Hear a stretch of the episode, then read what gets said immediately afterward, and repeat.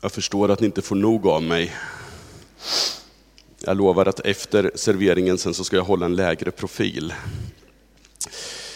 Ehm, I vår församling så har vi använt en slogan som vi medvetet försökt att bygga en kultur runt under det senaste decenniet.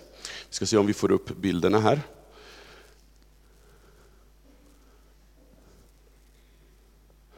Jag har fått en sån här fjärrkontroll som ska fullständigt revolutionera er upplevelse.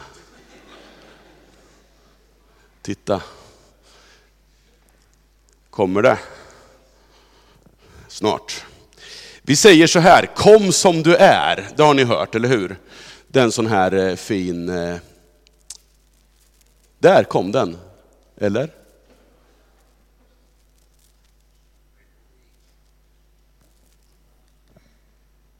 Där. Var det jag eller var det du? Var det du? Okej. Okay. Du ser ju när jag gör så här, så eh, skitbra. Jättebra. Ja. Kom som du är, säger vi. Det står till och med på fasaden här ute, jag vet inte om ni har sett det. Eh, när folk undrar, vart ligger Korskyrkan? Ja, men det, ligger på, det är ingen som har sett att det ligger en kyrka här, som inte vet att det ligger en kyrka här. Så inte ens den har de sett, kom som du är. Men det står ju det här, eller hur? Kom som du är. Eh, och poängen med den här sloganen som vi försöker bygga en kultur runt är ju att det ska upplevas tröskelfritt att komma in i församlingens gemenskap. Och här ska man kunna komma in utan att uppleva moraliska pekpinnar eller outtalade förväntningar att leva upp till. Eh, liksom, oavsett vem du är, vilken bakgrund du har, ska du kunna känna att här känner jag mig hemma.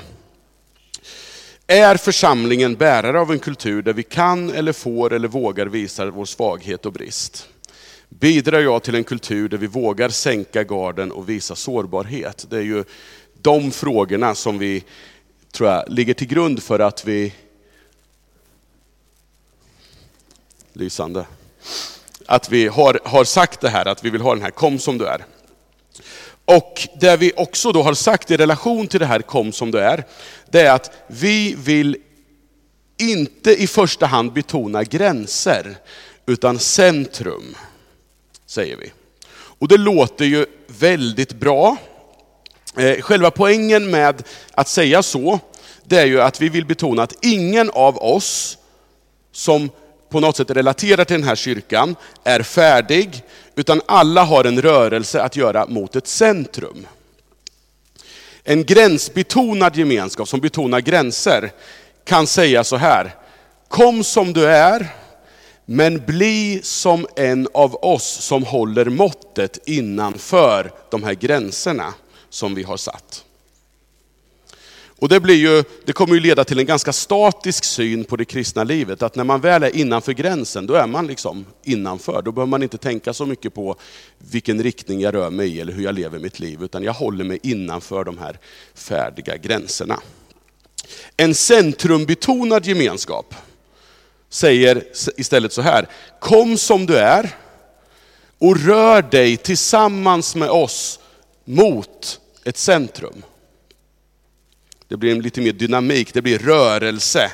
Alltså vi är de som rör oss mot ett specifikt mål tillsammans. Men, är min fråga då, är det så med vår församling? Har vi en sådan kultur? Skulle människor som kommer in här få intrycket av att det här, det här är verkligen en församling som är på väg någonstans och som bjuder in mig att vara med på den resan. Jag tror, och det har jag sagt tidigare när jag har kommenterat det här, det är att risken med att säga att ja, men vi vill inte betona gränser utan centrum, det är att människor i första hand kanske inte hör vad vi vill betona. Att vi vill betona ett centrum, utan det man, det man hör är att här vill vi inte betona gränser. Och den risken blir ju särskilt stor om vi inte riktigt är överens om vad är centrum? Vad är centrum? Vart är det vi vill röra oss? Då riskerar nämligen det här med tro och församling att bli högst irrelevanta företeelser. Om vi varken betonar gränser eller centrum alltså. Inte minst unga människor, framförallt unga vuxna mellan 20 till 25, upplever idag, enligt entydig statistik, ett allt större främlingskap inför den nuvarande kulturen i Sveriges frikyrkor. Och jag tror att det hänger ihop med detta, att vi har hamnat i ett läge, generellt sett, att vi varken betonar gränser eller centrum. Och det blir ganska blaha. Några samfundsföreträdare i ungdomsfrågor skriver så här i en debattartikel med anledning av det. Problemet, säger de, det verkar inte vara att kyrkor är dåliga på att undervisa unga människor, utan att vi gör ett synnerligen bra jobb i att lära, lära våra unga vad vi verkligen tror. Nämligen att kristendom inte är någon stor sak. Att Gud begär lite, att kyrkan är en social institution fylld av snälla människor som i första hand fokuserar på människor som oss. Ja men det är lite trevligt. It's good to be good and it's nice to be nice. Härligt. Visst känner man att här vill jag vara med. Om vi vill vara en församling som betonar ett centrum och inte gränser, så behöver vi veta vilket centrum vi rör oss emot. Och därför behövs en le levande vision som driver församlingen framåt.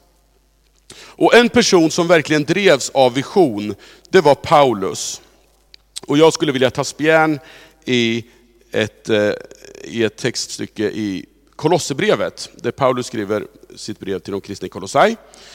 Följ med mig till, första, till Kolosserbrevets första kapitel, vers 26-29. Där står det så här. Detta är den hemlighet som varit fördold i alla tider och släktled, men nu har uppenbarats för hans heliga. Gud ville låta dem veta vilken härlig skatt hedningarna har i denna hemlighet. Kristus finns hos er. Hoppet om härligheten. Honom förkunnar vi genom att vägleda alla människor och undervisa dem alla med all vishet för att kunna föra fram alla som fullvuxna i Kristus. Det är för detta jag strävar och kämpar med den kraft som han så mäktigt låter verka i mig.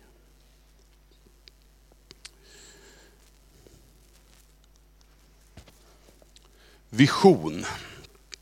När vi talar om det här begreppet vision så väcker det säkert lite olika känslor i oss allihop.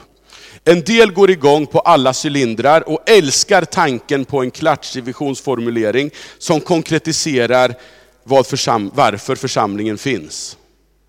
Andra känner en lätt illamående känsla i magen över det här med visionsformuleringar och lite flåshurtigt, klatschigt. Som om det var någon sorts affärsidé som driver oss. Men vad är egentligen en vision? Och kanske tänker vi helt olika när det gäller detta och därför kanske det här väcker lite olika känslor i oss var och en. Wikipedia de definierar begreppet vision så här. Vision är bland annat något man vill uppnå. En vision uttrycks oftast som ett framtida tillstånd som man vill uppnå och behöver inte uppfylla formella krav på realism, tidsbundenhet eller mätbarhet. Men så stötte jag på en annan definition när jag googlade runt på det här med vision. Och jag kunde inte riktigt hitta ursprunget till den. Det, det finns lite så olika folk som använder sig av den. Och den tycker jag är väldigt bra och väldigt applicerbar på kristen församlingsteologi och i linje med den här Paulus-texten som vi precis läste. Så här lyder den definitionen. Vision är vårt minne av framtiden.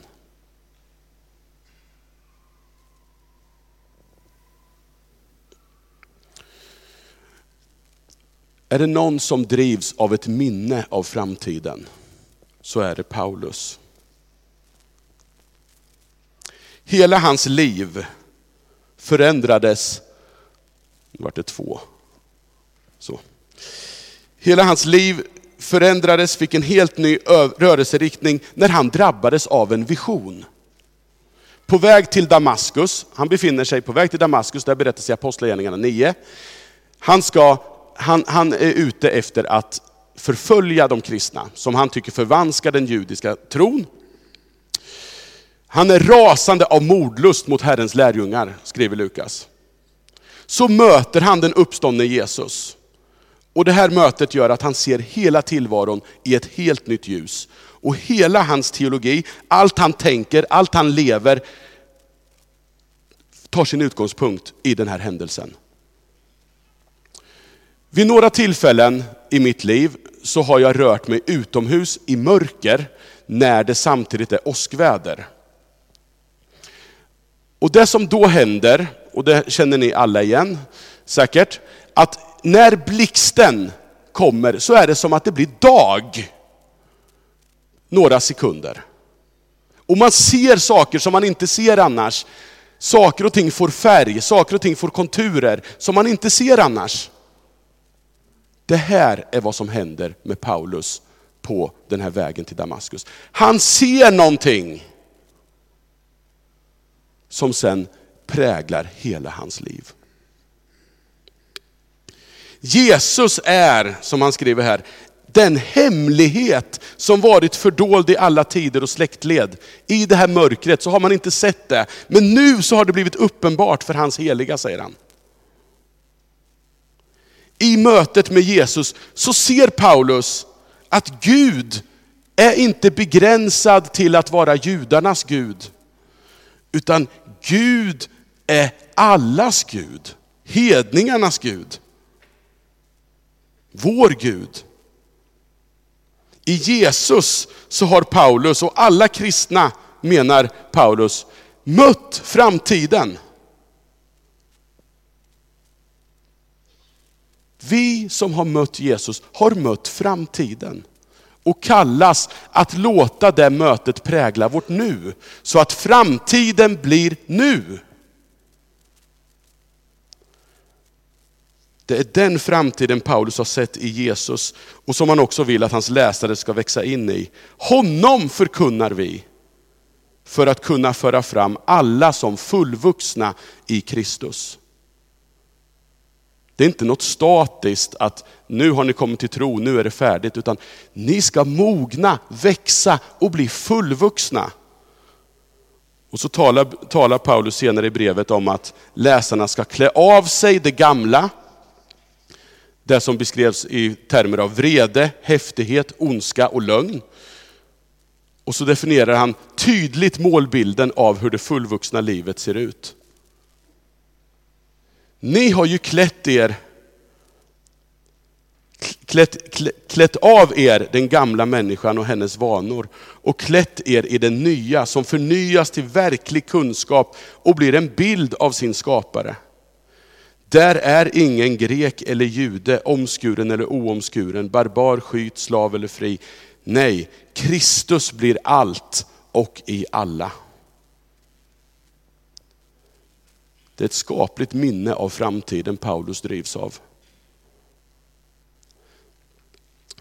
När Mikael Telbe, en teolog, pastor och lärare, för några år sedan skulle skriva en bok om Paulus brev och budskap, så fick den titeln Med framtiden i ryggen. Jag tycker det är ganska tjusigt beskrivet.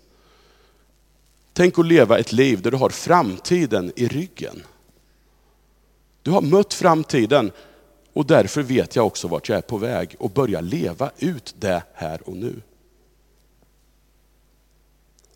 Efter att ha fått den här visionen så var det just så Paulus levde. Det satte igång världens rörelse i Paulus och vilken rörelse hans förkunnelse av denna vision kom att sätta igång sen. Överallt där församlingar kom att planteras och sprängde de oerhört strikta sociala gränser som då rådde. Om inte Paulus hade fått den här visionen, då hade den kristna tron stannat vid en judisk sekt. Det gjorde den här visionen med hela den kristna trons utveckling.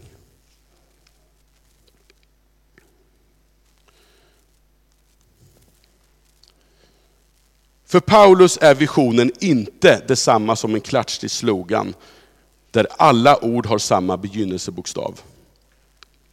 Utan visionen för Paulus är en person. Honom förkunnar vi. Jesus är det centrum vi kallas att röra oss emot. Det centrum som vi är kallade att betona är Jesus. En kristen församling kan inte nöja sig med mindre än att Jesus är det centrum som hon betonar och förkunnar. Och det som kännetecknar livet med Jesus, det är ju rörelse.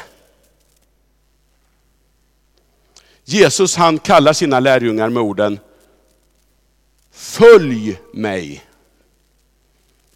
Följ mig.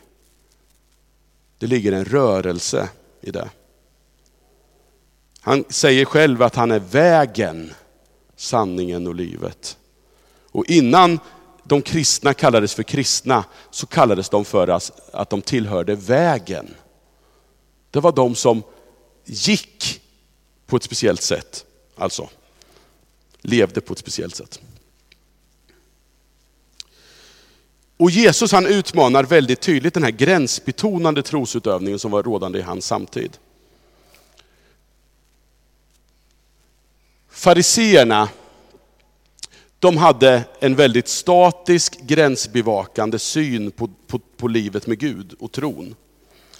Man höll lagen högt och var noga med att lyda buden.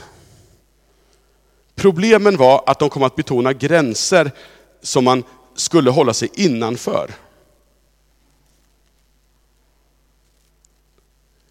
Ungefär som jag sa tidigare, när man är gränsbetonad då, blir det, då vill man utmana alla som är utanför att röra sig in, men sen när du väl är innanför, då, då är du ju med. Då är det lugnt. Och här har vi de här fantastiska, i vår frikyrkliga historia med alla de här, eh, när man var på LP-möten när man var liten. Vet ni vad LP-möten var för någonting? Det var, det var folk som hade levt i missbruk och sus och dus och jättespännande liv i brottslighet och så här. Och det där var jättespännande att höra deras vittnesbörd. Därför att de hade så mycket roligt att berätta. Men 90% av det de berättade var ju innan. Och sen det där sista de berättade, ja och nu är allting bra. Jättetråkigt blev det. Och det, det, det bygger lite på den här bilden av att ja, men om man är innanför, då är det ju färdigt. Men om man tittar på Paulus, då börjar det ju det spännande när han väl kommer med. Ja, ni är med, tror jag. Men, men det här är en risk, tänker jag, att vi, att vi också hamnar här. Om vi börjar betona gränser för hur man beter sig, hur man, istället för att prata om centrum. Därför att då, då blir det viktigare att hålla sig innanför, än vilken riktning jag rör mig. När Jesus lägger ut lagens bud i, i bergspredikan, i Matteus 57, så, så är det som att han helt och hållet brå, han bråkar jättemycket med, med det här sättet att se, det här statiska synsättet. Budet till exempel om att inte döda, som de som håller sig innanför här tycker att de är jätteduktiga på att hålla, handlar plötsligt inte om de som har för vana att gå runt och slå ihjäl folk. Utan det handlar om alla oss som är jättedåliga på att lösa konflikter. Och istället för att lösa konflikter och konfrontera människor öga mot öga, så, så sitter vi hellre och pratar lite skit om den. Eller säger dumma saker som inte är så konstruktivt. Eller budet om att inte begå äktenskapsbrott handlar inte bara om de som har för vana att vara fysiskt otrogna med många, många partners. Utan det handlar om alla oss som ibland använder vår blick så att andra människor blir objekt för vår lust. Det handlar om mig. Och jag tror det handlar om dig. Alltså allt som förut var så lätt att hålla sig innanför, verkar Jesus säga, stopp här, det handlar om dig. Du har ett centrum att röra dig emot.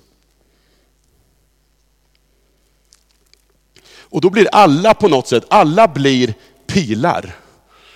Alla rör sig i någon riktning och vi kallas att vara människor som har vår riktning mot centrum. Och då är inte det, det primärt intressanta hur långt ifrån jag står, utan vart jag har näsan någonstans. För så fort jag är innanför, utifrån den där modellen, och tycker att det är viktigt med gränser, vart har jag näsan då? Åt fel håll.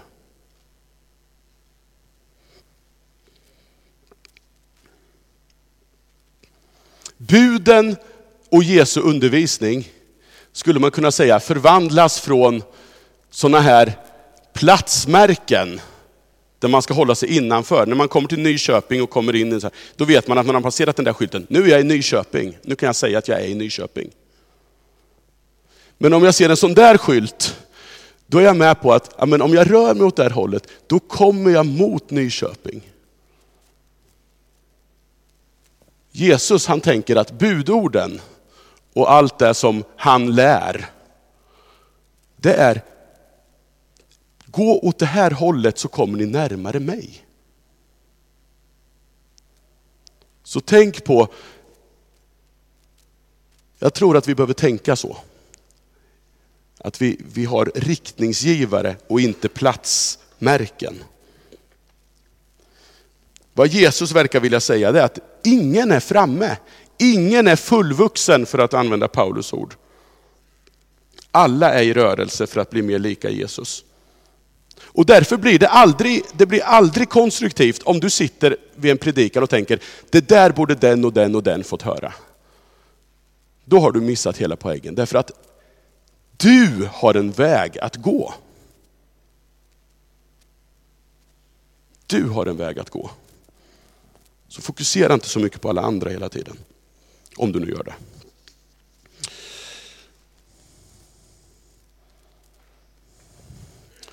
Vart är Korskyrkan på väg? Är vi en församling med ett tydligt centrum eller är risken att vi varken upplevs betona gränser eller centrum? Det är ju det som är min fråga.